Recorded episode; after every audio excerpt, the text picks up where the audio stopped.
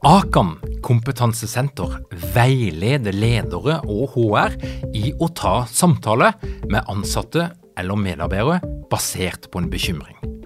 Akan setter ledere og medarbeidere i stand til å forebygge og håndtere en problematisk bruk av alkohol, narkotika, legemidler, spill eller doping blant ansatte.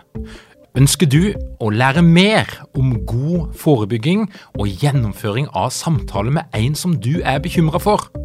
Da kan du nå få tilgang på Akan sitt digitale samtalekurs til spesialpris, kun 760 kroner.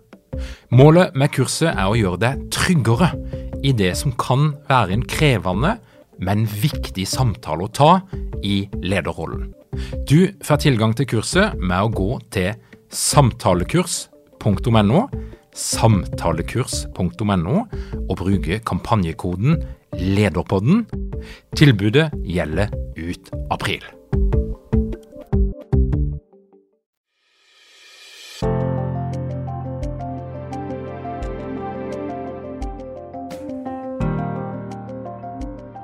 Velkommen til Lederpodden. Dette her er en podkast som handler om ledelse. Den er for deg som er interessert i ledelse, eller som er leder sjøl, og som ønsker inspirasjon i ditt lederskap. Mitt navn er Tor Åge Eikerapen. Jeg jobber som organisasjonspsykolog. Jeg jobber mye med ledelse, jeg jobber med endring og omstilling, og akkurat nå så jobber jeg jo ganske mye med krise og krisehåndtering. I denne podkasten så inviterer jeg inn ledere og fagfolk som har noe å melde, som iallfall jeg tenker kan være av interesse for flere, og som du kan bruke i din ledelse. Den tida som jeg er inne i akkurat nå, den er spesiell. Den er krevende, spesielt for ledere, men også for medarbeidere i forskjellige organisasjoner som opplever at arbeidshverdagen er blitt helt annerledes enn det han var for noen få uker siden. Mange opplever at de er usikre, de er utrygge, og de opplever at de må jobbe på en annen måte, de må jobbe på et annet sted, og de må jobbe utenfor de vanlige strukturene som holder oss på plass i arbeidslivet. Og det som er med på å påvirke hvordan vi håndterer dette her, det er blant annet hvordan hjernen fungerer. Og forståelsen for hjernen kan være avgjørende for om du klarer å utøve en god form for ledelse, og ikke minst en god form for kriseledelse og håndtering av alle de endringene som nå skjer. Og det gjelder jo uansett om du er leder eller medarbeider. Og da er det jo gøy å invitere til podkast og få med en person som virkelig kan mye om endring og ledelse. Og dagens gjest det er Kari Kvernår. Hun har nettopp gitt ut ei bok som heter Hjernemysteriet, som handler altså om å lede seg sjøl og lede andre. Den handler om hjernen, den handler om ledelse, og den handler om i hvilken grad vi mennesker er skapt for å håndtere store endringer både på arbeidsplassen og privat. Og eh, Kari Kverner, du er professor i helseinnovasjon på BI. Du er lege.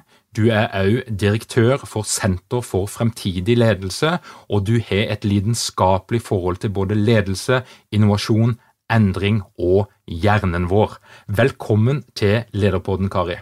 Tusen takk. Du har skrevet ei bok som jeg har lest, og den er spennende. Den er praktisk, den er anvendbar, og den gir en utrolig god oversikt på mange aspekter av både hjernen og ledelse. Men det jeg lurer på innledningsvis, det er jo åssen har du, som er engasjert på så mange plan, både i form av din professorstilling, i form av din direktørstilling og mange andre engasjement, og, og, og er det som gjør at du har funnet motivasjon til å skrive boka om hjernen? Ja, altså først kan jeg jo si at dette er jo midt i blinken-kunnskap for meg, som skal jobbe med folk og få folk til å tenke jeg har lyst til å få til nye ting. Men eh, hvordan det begynte, det handler jo om egentlig at jeg som liten var en nysgjerrig person som gjerne ville ha svar på alt og gjerne ville vite alt. Det tok jo ikke så veldig lang tid før jeg skjønte at det går ikke an. Men eh, som lege så ble det jo naturlig for meg å gå til eh, hjernen og tenke hva vet vi om hjernen? Hva kan hjernen forklare om hvorfor jeg reagerer som jeg gjør, og hvorfor jeg håndterer mennesker på den måten jeg gjør? Og jeg har jo jobba i mange år som øre-nese-halslege, og de pasientene har lært meg supermye. For i utgangspunktet så vil jo jeg gjerne være flink og grei og gi en tablettkur eller operere bort noe, og at folk skal bli helt friske. I det virkelige liv så er mange plager handler om kroniske plager, hvor mennesker må lære seg å mestre sin situasjon. Og det er en jobb å gjøre, og jeg har lært utrolig mye av pasientene mine om hvordan folk er i stand til å ta tak, og til å endre atferd, til å lage nye rutiner, og til å faktisk gå opp nye spor i hjernen, for det er jo egentlig det som skjer, lære å gjøre ting på ny måte, og da jeg begynte å jobbe etter hvert og jobba med mennesker og ledelse, så skjønte jeg jo at dette er jo akkurat like viktig det vi driver med nå, så jeg bestemte meg for å skrive bok, både fordi jeg trenger den kunnskapen hver dag sjøl, og fordi jeg ønsker at de som er nysgjerrig på dette her, kan få lære litt. Mm. Jeg er jo veldig glad for at du har gjort det. Og, og denne boka, jeg må innrømme at når jeg nå åpna henne, eh, og det gjorde jeg i, i siste uke, etter koronaviruset traff landet, så, så, tenker jeg jo at wow, dette her er jo midt i blinken. For, for det som skjer nå, det er jo at mange ansatte rundt forbi de har fått en henvendelse, en SMS, en telefonoppringning eller en e-post fra sin leder der de plutselig over natta blir informert om at i morgen kan ikke du komme på jobb. Du må være på hjemmekontor, eller du må ikke komme på jobb i det hele tatt. Det er jo faktisk ikke alle yrker der kontoret er arbeidsplassen. Og mange får beskjed om at de må jobbe på en ny måte i et digitalt system som ikke de kjenner fra før. De må plutselig finne fram det webkameraet som de egentlig aldri har brukt. Og noen må òg jobbe med helt andre oppgaver, for det at de oppgavene de egentlig skulle ha gjort, de skal ikke utføres lenger fordi at alt er stengt. Og da eh, kjenner vi jo fra, fra, vanlig endringsledelse, så er jo et typisk scenario, som òg ble beskrevet i en artikkel som du var, var, med i i Dagens Næringsliv, det typiske scenarioet er jo at det kommer en leder med stor entusiasme inn på allmøtet og presenterer den store flotte endringa som organisasjonen skal gjennomføre, og forventer da at folk entusiastisk klapper og, og heier på denne endringa. Og så blir de litt skuffa når det motsatte skjer. Mens nå ser vi jo da at eh, det er kanskje ikke så mye entusiasme kobla til denne endringa, men det er altså ledere som må ut og formidle et budskap om endringer. Og det jeg lurer på, det er i hvilken grad er hjernen vår klar til å omstille seg på så mange områder på så kort tid, og når det i tillegg ligger ei krise i bunnen her som kan handle om økonomi, det kan handle om jobbtrygghet og alt det som vi trenger for å ha det sånn rimelig trygt i hverdagen, hva gjør det med oss? Kan vi i det hele tatt håndtere dette her? Nei, altså, hjernen vår er ikke lagd for å glede seg over omstilling.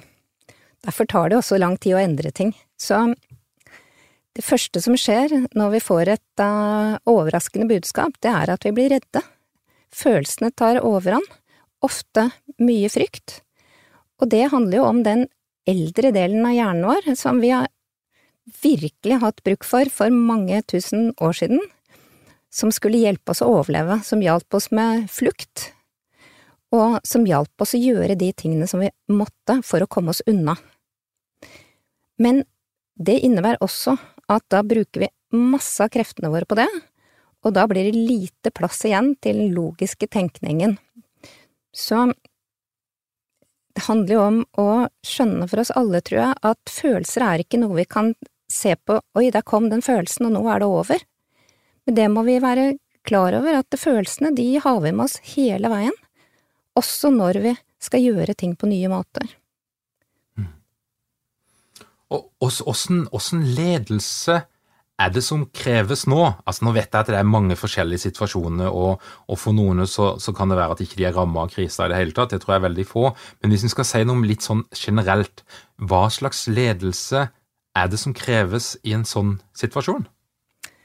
Ja, jeg, jeg, jeg har lyst til å si aller først at det er jo viktig at både ledere og hver og en av oss um, tenker gjennom og prøver å skjønne at uh, vi må vi må greie å ha tillit til hverandre, vi må greie å tenke klokt sammen om hvordan vi skal komme videre, og da så egentlig før man snakker om ledelse, kan man nesten også si at uh, hvordan kan vi sørge for at vi blir litt mindre stressa? Hva kan vi rent praktisk gjøre, sånn at hverdagen vår blir levelig også med det vi står i nå? Vi må kanskje gjøre litt færre ting. Vi må kanskje tenke at alle de push-meldingene som gjør at vi åpner mobilen vår hele tida, er ikke sikkert at det er så innmari gunstig for oss. Men vi må drive litt sånn hjernehygiene aller først, før vi tenker på hvordan vi leder oss sjøl, og hvordan vi som ledere tar ansvar. Og når det er sagt, så tenker jeg jo at um, som leder så har vi jo nå, nå har vi ansvar for flokken, på en måte. Vi sitter med mennesker um, som vi ikke vet hvordan har det, og vi sitter og har møter digitalt. Um, vi trenger å spørre hvordan folk har det, og vi trenger også tenke at vi antagelig må trekke alle inn i det arbeidet vi gjør, sånn at vi sikrer at vi står sammen om de tingene vi skal gjøre fremover. For jeg tror hver og en av oss gjør veldig mange små ting på jobben som vi ikke tenker over at vi gjør. Vi går innom i døra etter et møte, vi sier litt om hvordan ting var, vi legger en liten plan for at kanskje ikke vi skal gjøre dette i dag, men i morgen, for det gikk jo ikke så greit. Og de tingene, de er ikke så lette å gjøre når vi sitter i en eller annen digital løsning og snakker sammen og ser hverandre. Så det handler om det, og det handler også om at jeg som leder må tenke uh, Hvis det er noe jeg ikke liker, så må jeg tenke Tenker jeg feil om denne situasjonen? Misoppfatter jeg denne personen, som kanskje ikke pleier å reagere på den måten som han gjør akkurat nå? Hva er det som ligger bak? Um, vi er alle mennesker med en historie. Mange kan ha opplevd å være i kriser før, og ha med seg tingen som gjør at man er enda mer emosjonell eller litt mindre i stand til å på en måte få, ting, få til ting inntil man føler seg trygg. Um, mange er veldig redd for fremtiden og har større problemer med å på en måte tenke hva må jeg gjøre nå, hvordan skal jeg få til mine daglige rutiner, sånn at jeg klarer å handle godt innenfor rammene av det som gjør at jeg har en ok dag. Så jeg tenker det er mange sånne ting som byr seg opp, og da tenker jeg veldig på at uh, det er gjort en del forskning på dette med trygghet og tillit i organisasjoner, at det er veldig viktig for at vi skal kunne yte vårt beste. At det skal være rom for å feile. Uh, det skal være rom for å gjøre ting, at det betyr ikke at noe er galt. Og her må vi tenke oss ekstra om akkurat nå, fordi vi blir alle dratt med i en slags sånn uh, overordna frykt som vi må jobbe veldig for ikke seile med på, for vi må huske på at motstand mot endring, det er hjernens førstevalg. Det er der vi detter ned i den følelsen hele tiden, så når du ikke liksom får podkasten din riktig i gang, da forsvinner jo alle de kloke tankene dine, for da får du bare opp den følelsen hva skal jeg gjøre nå for å få det til? Og da gjelder det å tenke ok, da går det litt tid, og så er vi tilbake igjen. Fordi da kan du tenke rasjonelt igjen. Det er, det er, spennende dette her, for det, det, vi, vi, vi, lever jo i dette her hver dag nå, og jeg opplever jo sjøl at når en kjører videokonferanse, eh, det, det, er interessant. For du skriver om speilnevroner, og du, snakker, du skriver om, om, det som skjer når vi interagerer med hverandre, når vi kommuniserer med hverandre eh, på et én-til-én-plan. Og Det som jeg opplever, og som det er skrevet en del om, det er jo at du mister jo ekstremt mye informasjon når vi kommuniserer digitalt. Spesielt når det er flere mennesker i, i ett vindu, altså bak ett kamera. Når vi kommer litt tett på hverandre, sånn som vi gjør akkurat nå, så, så, så hjelper det jo litt. Og til dere som bare hører på podkast, er det altså sånn at dette her blir spilt inn. Det sendes live på Facebook med bilde og full pakke, og derfor så refererer vi av og til til at det er noe mer enn det som foregår foregjenger akkurat inne i podkasten. Så er det sagt. Men det, det som er blitt skrevet litt om, det er jo at uh, mimikk blir jo ekstremt viktig. For det at den nonverbale kommunikasjonen den kan du av og til nesten sense når vi er i samme rom, om vi sitter overfor hverandre eh, live, eh, altså i real life. Men, men, når vi kommuniserer digitalt, så forsvinner jo veldig mye av de, de her subtile signalene som vi sender til hverandre. og Jeg selv opplevde at jeg sitter i en videokonferanse og jeg blir fryktelig nysgjerrig og av og til litt urolig òg, for hva er det egentlig den der personen tenker for noe? Eller er vedkommende påkobla? Ser vedkommende på meg nå? Blir jeg anerkjent? Eh, blir jeg hørt på? Eller er det sånn at de aller fleste nå sitter på hver sin Facebook-skjerm sånn litt sånn ved siden av og flakker med blikket? Så, og, og, og, og, Hvordan spiller hjernen inn, og hvilke forutsetninger gir hjernen for å kommunisere gjennom skjerm? Ja, Det er veldig morsomt at du sier dette her, for vi blir jo da veldig opptatt av når, når, noen tar kaffekoppen og drikker, så tenker jeg er det fordi jeg snakker om det jeg snakker om nå er veldig kjedelig, eller han ikke vil være med? Um, så, så, det er jo Dette handler også om våre egne tankefeil, ikke sant? Vi har jo masse tanker oppi hodet som ikke nødvendigvis er sanne og riktige tanker. Og da gjelder det jo å spørre oss litt, uh, er jeg litt på feil tanketog akkurat nå? Det kan jo godt hende det er noe helt annet som gjør at den kaffekoppen kom opp da jeg sa nettopp dette. Så, så det er det ene, å være litt klar over at det kan være andre ting enn det vi tenker selv. Og det andre, det er at uh, vi har jo speilnevroner uh, for munnbevegelse, mimikk, og vi kan jo se ganske mye når vi ser på folk i et digitalt møte, men jeg tror vi må lære oss de kodene på en litt annen måte, for vi er vant til å gjøre det rent fysisk.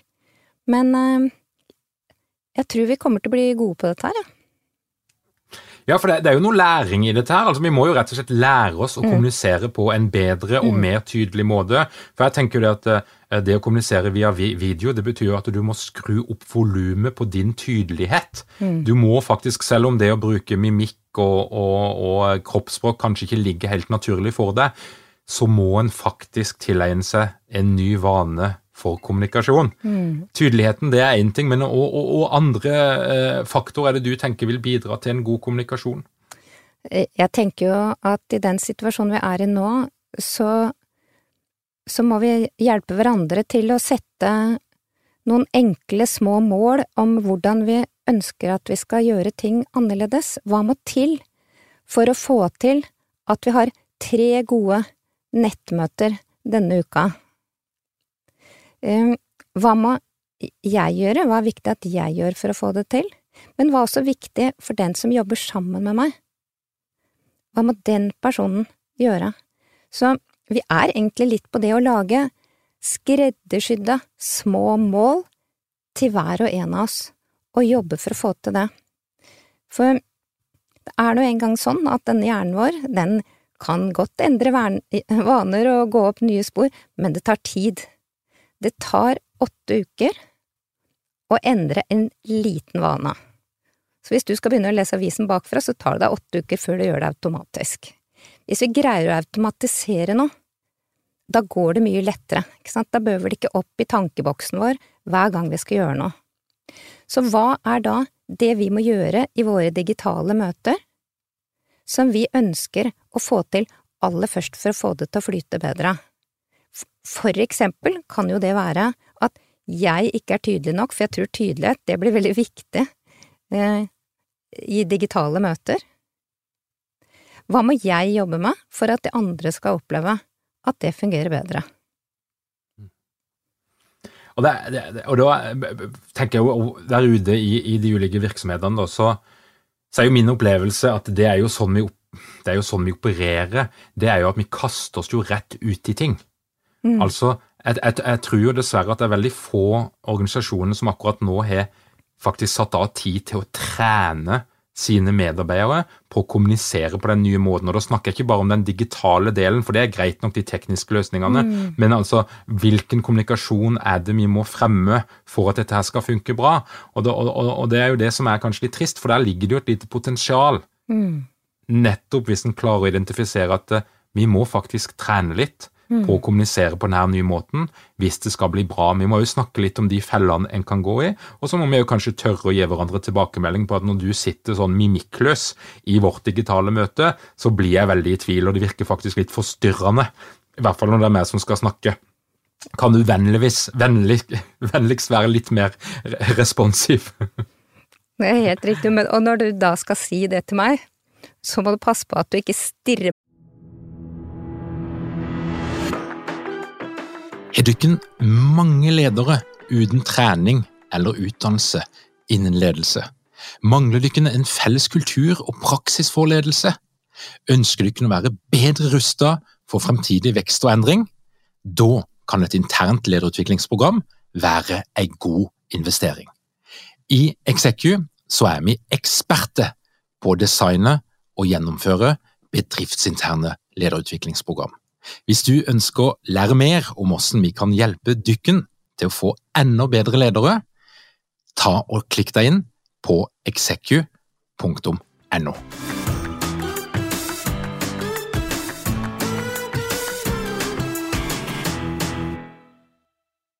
meg inn i øynene og sier det, fordi da føler jeg jo at det virkelig er noe galt med meg. Så hvis du greier å si det på en måte hvor liksom ikke jeg stirrer rett i øya på deg, men du sier hm, vet hva, jeg tenker uh, jeg blir faktisk litt stressa når dette skjer. Er det noe vi kan gjøre sånn at det blir annerledes? Ikke sant? Så den måten vi kommuniserer på nå, den, den blir jo enda mye tydeligere. Sånn at hvis vi tar ting feil nå, så tar vi det virkelig feil. Og så har vi ikke muligheten til, som jeg sa i stad, å åpne døra til kontoret til eh, nestemann etterpå og si du, vet du hva, jeg mente det jo ikke akkurat Jeg lurer på om vi misforsto hverandre her. Det er den som ikke er så lett å gjøre. Eller den er for så vidt lett å gjøre hvis vi sier at ok, ta av telefonrøret og så si hva skjedde egentlig nå? Og det krever litt mot, da. Mm, det gjør det. Litt sosialt, eh, sosial dristighet, det å, å, tørre å plukke opp igjen de her misforståelsene når en da mm. faktisk må ta en telefon. Så det betyr at det er jo eh, kanskje et, det er et rom her for mer misforståelse i organisasjoner, som kan òg bli til konflikter hvis mm. vi skal se virkelig litt worst case på det. Og du kan jo risikere at det blir dårligere flyt i kommunikasjon og samhandling, fordi vi er ikke trent på å kommunisere på denne måten. Og da snakker jeg altså om den psykologiske dimensjonen av det, ikke den tekniske delen mm. av den kommunikasjonen. Kari, du har skrevet om mange ting. Du har jo skrevet om, om personlighet, og jeg tykker jo det er spennende med personlighet, eh, eh, og, og jeg er opptatt av det. Og, og jeg tenker jo at nå kommer jo personligheten vår til syne når vi blir utsatt for en krise. Én ting er jo at vi, vi, har litt ulike forutsetninger når det gjelder økonomi og arbeid og framtid og, og, det vi har rundt oss, men personligheten er jo òg med på å prege hvordan vi håndterer endringer og den situasjonen vi er oppe i nå. Og Tenker du rundt personlighet? På, på hvilken måte eh, kicker det personligheten inn nå? um, jo, da skjønner vi jo veldig godt hva slags gruppe vi er. Altså, vi, det kommer jo veldig tydelig frem hva slags karakterer vi er, ikke sant? Eh, men jeg er veldig opptatt av den delen som ikke er personligheten, men som er atferden vår, for det er den vi først og fremst kan gjøre noe med, ikke sant? Ja, ja. Sånn at vi må forstå bildet av hvorfor spiller ting seg ut som de gjør med de vi er, men hva må til i forhold til den enkelte, eller i forhold til oss som gruppe? For at vi likevel skal få det til sammen, nå som vi er under press i tillegg. Og da kan jeg ikke få sagt det mange nok ganger at uh, det kan hende vi må skru ned tempoet litt, at vi får til mer, hvis vi erkjenner det. For vi kommer til å butte i hverandre raskere, vi blir irritert, og så er vi antagelig irritert for noe annet, vi er, vi er irritert for det underliggende i oss, de følelsene i oss nå, som koker lite grann, som er litt sånn når vi legger oss om kvelden, at vi tenker jo, det har gått greit i dag, men hvordan skal nå de neste månedene bli med den meldingen som kom i går om at vi skal være i nasjonal dugnadskarantene i noen uker til, ikke sant? Så det å være klar over dette og tenke hva må jeg gjøre i min hverdag, hvordan må hver og en Hvordan skal vi sikre at vi har gode rutiner nå? Vi må stå opp som vi pleier om morgenen, vi må prøve å gjøre det vi pleier å gjøre. Fordi det vil gjøre det lettere for hver og en av oss, og da vil vi fungere bedre sammen på den jobben vi skal gjøre sammen. For det skaper litt mindre utrygghet hvis vi får til å ta tilbake noen av ritualene våre, og at vi får til å holde på nøkkelvanene våre. Vi vet blant annet at fysisk aktivitet Det er mange grunner til at det er viktig, men én grunn til at det er viktig, det er at det er regna som en slags nøkkelvane. Hvis vi klarer det, så er det en del av de andre vanene våre som vi gjerne også vil holde på, de er lettere å holde på hvis vi trener. Dette er superviktig. Mm. Og, og, og, vi vet jo noe om at det er frykt og um, Frykt og stress er òg forbundet med aggresjon og sinne. Altså at det, det, det, det, å være redd kan lettere gjøre deg sint, og du sa jo noe om det egentlig, men, men hva slags utslag kan det gi i denne situasjonen?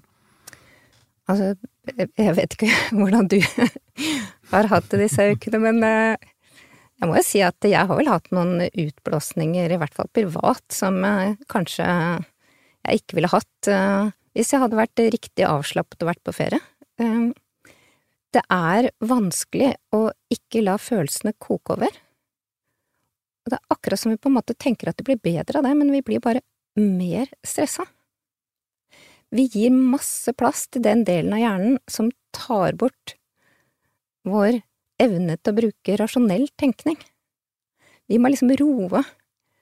Vi må roe amygdala, eller vi må roe skrekksenteret vårt. Vi må tenke hvordan skal vi prøve å verne om de følelsene våre så ikke de tar full dag? Og der har vi et ansvar ikke bare for oss selv, men vi har et ansvar for de rundt oss, og så tenker jeg vi har også et ansvar for uh, det samfunnet vi lever i, og jeg, jeg tror jo at vi må være veldig flinke til nå å se også det gode som skjer. Folk ringer meg, folk følger opp, det er omsorg, det er vennlighet. På vei ned hit i dag, så betraktet jeg et ekorn som venta på grønt lys mens det gikk over veien, sammen med en eldre mann som syntes dette var kjempefascinerende. Det var virkelig en uh, opplevelse.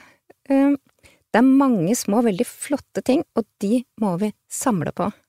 Vi må jakte på småtingene. Og så tror jeg vi må også lete litt etter humoren, for det humoren det forløser et eller annet i oss. Det gjør at vi tåler litt. For det slapper vi av litt. Og da må, du du må jo fortelle litt om hva er det som skjer i hjernen når vi blir glade og ler og, og, og bruker humor? Ja, da produseres det jo stoffer som gjør at, uh, at vi blir fornøyd. Og Du skriver jo en del om det, altså de stoffene som forløses i hjernen. Både mm. med humor, men òg når vi føler oss trygge, når vi føler oss anerkjent, når vi føler oss sett. Mm. Og Der tenker jeg at ledere har en ekstremt viktig mm. oppgave nå eh, når det gjelder å være tett på. Å være på telefonen, ringe uoppfordra, ta kontakt for nettopp å, å gi den her følelsen at den er en del av flokken, at den blir sett og at den mm. er viktig. For det, det er jo en tendens til å roe oss og, og håndtere stress bedre. Ja, for det skal veldig lite til før vi føler at vi ikke er med akkurat nå. Og da kommer alle tankefeilene som jeg er veldig opptatt av. Eh, vi tenker veldig mye rart, eh, og det får liksom blomstre fritt. Og vi må huske på at vi er forskjellige, og vi må prøve å se den forskjelligheten, og det klarer vi bare når vi er rolige og ikke drevet av liksom eh, samfunnsfrykten. Mm. Det, det, som er en, en, stor utfordring når en sitter på et hjemmekontor, og så har jeg veldig respekt for at det er ikke alle som gjør det. Det er lett for at samfunnsdebatten der kan høre ut som at hele Norge sitter på et kontor, og sånn er det heldigvis ikke, må jeg si. Men for de som gjør det, da, så er det jo en eh, krevende situasjon. For mange har jo ikke et eget rom de kan lukke. De sitter blant barn og partnere og andre som, som en måtte være stua sammen med. Og det er jo ikke bare én dag, men det er altså sånn at alenetida den er skrudd ned på et minimum akkurat nå. Og så skal han altså gjøre en jobb midt oppi dette her. En skal sjonglere de behovene som er i hjemmet for barnepass, omsorg, huslige oppgaver som skal gjøres, økonomi som en må ta hånd om på en helt ny måte. Og så skal du gjøre en jobb, og du skal være produktiv. Og Vi snakka litt om at det er kanskje ikke de beste forutsetningene for å være produktiv, og du må skru litt ned. Men det som vi vet noe om, det er at folk er ulik, ulikt rusta for det som vi kaller for selvledelse. Mm. Og nå blir det jo viktigere enn noen gang med denne selvledelsen. Mm. Kan, kan, ikke du beskrive litt, hva er selvledelse? Selvledelse, det handler jo om å sjøl eh, Det handler jo først og fremst om å kunne bruke din egen motivasjon til å løse oppgaver på en eh, selvstendig måte. Um, fordi det jeg er motivert for, det gjør jeg veldig bra. Det jeg ikke er motivert for, det går det langsommere. Og det er klart at i den verden vi er i akkurat nå, og for så vidt er vi, har vi jo vært på vei der veldig lenge, at eh, så lenge vi oppgavene er nye hele tiden, da, da, er det, da, er det, du og jeg som må finne ut av hvordan vi skal løse det. Um, og jeg tenker jo at uh, selvledelse, det er ikke så veldig vanskelig hvis du har en i andre enden, nemlig den som uh, skal hjelpe deg med selvledelse. Uh, til å hjelpe deg å finne hva er dine mål, hvordan skal du gjøre dette, hva er ett steg av gangen for å få til oppgavene dine. Du trenger både å utfordres, men også å heies på. Og det er jo en lederjobb å gjøre. Så det er vanskelig å være leder, men det er jo spennende også. Det andre er ikke bare å få hjelpa til å sette gode mål, og til hvordan vi skal greie å, nå dem, men det handler også om å kunne ta opp dette med er det noen ganger jeg tenker feil om ting? Trenger jeg å få noe feedback på at jeg har opplevd at dette var så vanskelig, og dette er umulig? Det å kunne sette ord på de tingene som ikke virker også, for det hjelper ofte å snakke med noen, og så si hva du opplever og tenker at dette får jeg ikke til, for når du har sagt de ordene ute i lufta, så hører du egentlig sjøl at det der er kanskje ikke helt riktig, kanskje det jeg trenger bare er å snu litt på det, og så begynne med Jensen før Olsen. Dette er jo gode, gode triks, tenker jeg, da, som, som, kan, eh, som kan, bidra. Og så, og, og så, eh, Når vi kikker litt inn i personlighetsaspektet igjen, så er det jo sånn at noen har jo en ekstrem grad av selvdisiplin. Mm. De er selvgående, og det er null problem. Og noen er kanskje, hvis de i tillegg er litt introverte, så er de kanskje glade for å bli kvitt alle de her kollegaene og syns det er fantastisk. altså Jeg må innrømme, jeg var innom på kontoret, fellesskapet der jeg er i går, og, og skulle hente noe utstyr og med full desinfeksjon og alt som skulle skulle til, og der satt en, en kollega i kontorfellesskapet, og han sa at det var fantastisk, for nå kunne han sitte helt alene og jobbe, og det var ingen som forstyrra han.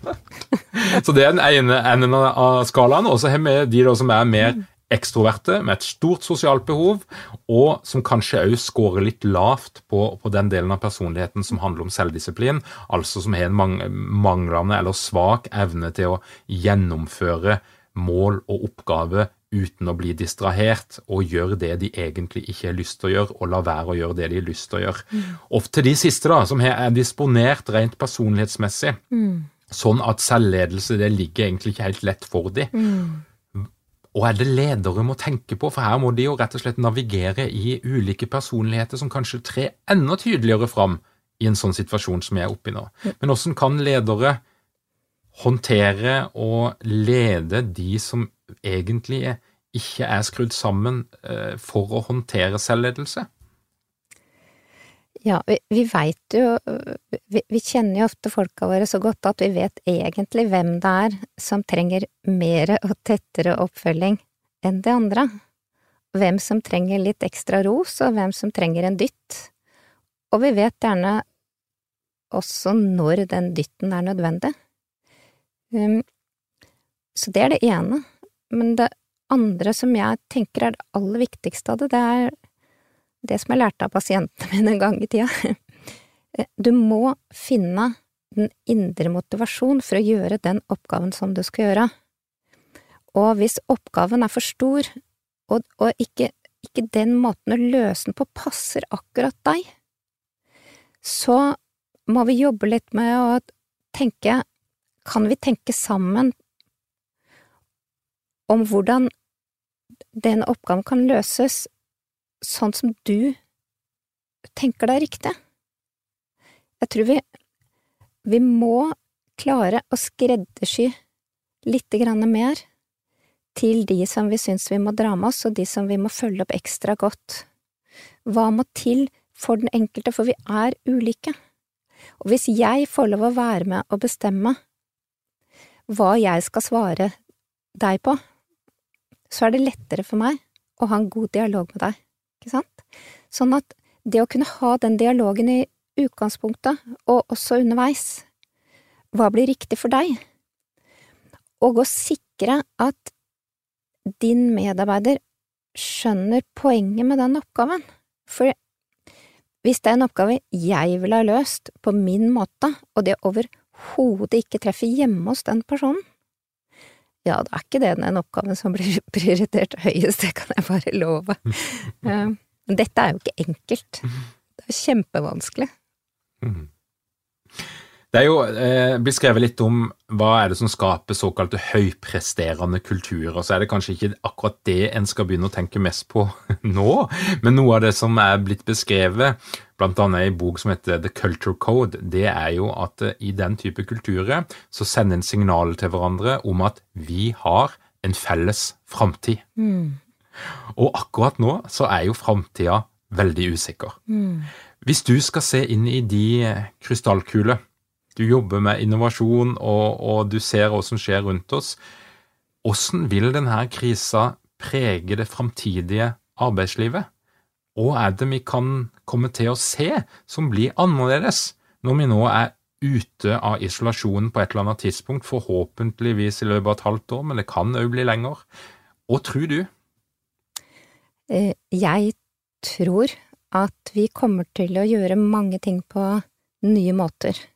Jeg tror på samfunnsnivå, og det er jo mange som har vært inne på, at uh, ting vil bli annerledes, vi vil prioritere annerledes.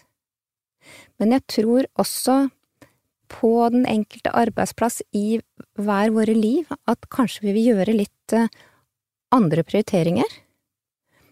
Og så, hvis vi skal snu også dette til noe positivt, vi, nå blir vi tvunget til å gjøre ting på nye måter. Vi blir tvunget til å gjøre de tingene som vi sliter med å få til når det er gode dager. Og det betyr at det er antagelig en del ting som vi ikke vil gjøre mer.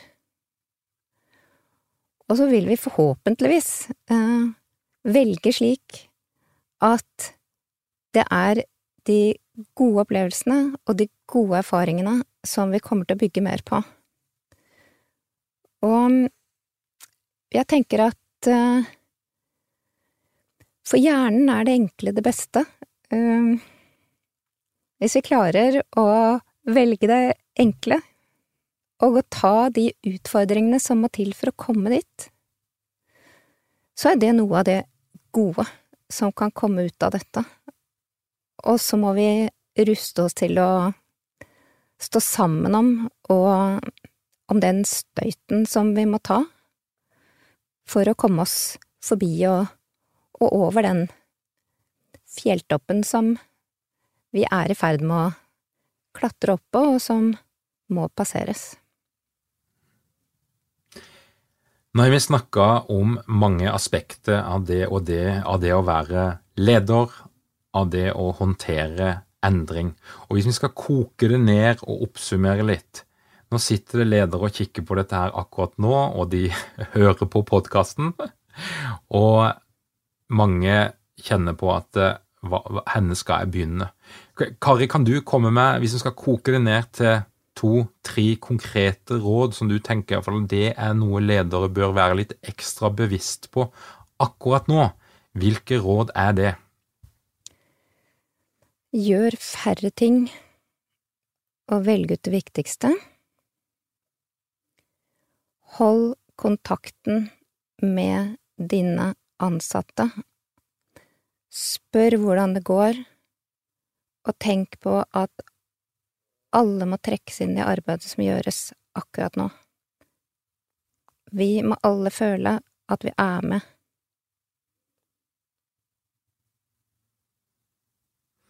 Tusen takk, Kari. Det tror jeg er noen råd som faktisk eh, hver enkelt kan ta med seg og bruke nesten umiddelbart. og hvis du ønsker å lære enda mer, så er altså boka der ute, og den heter Hjernemysteriet. Og da, Kari, må jeg bare si tusen takk for at du kom til Lederpodden. Tusen takk for meg.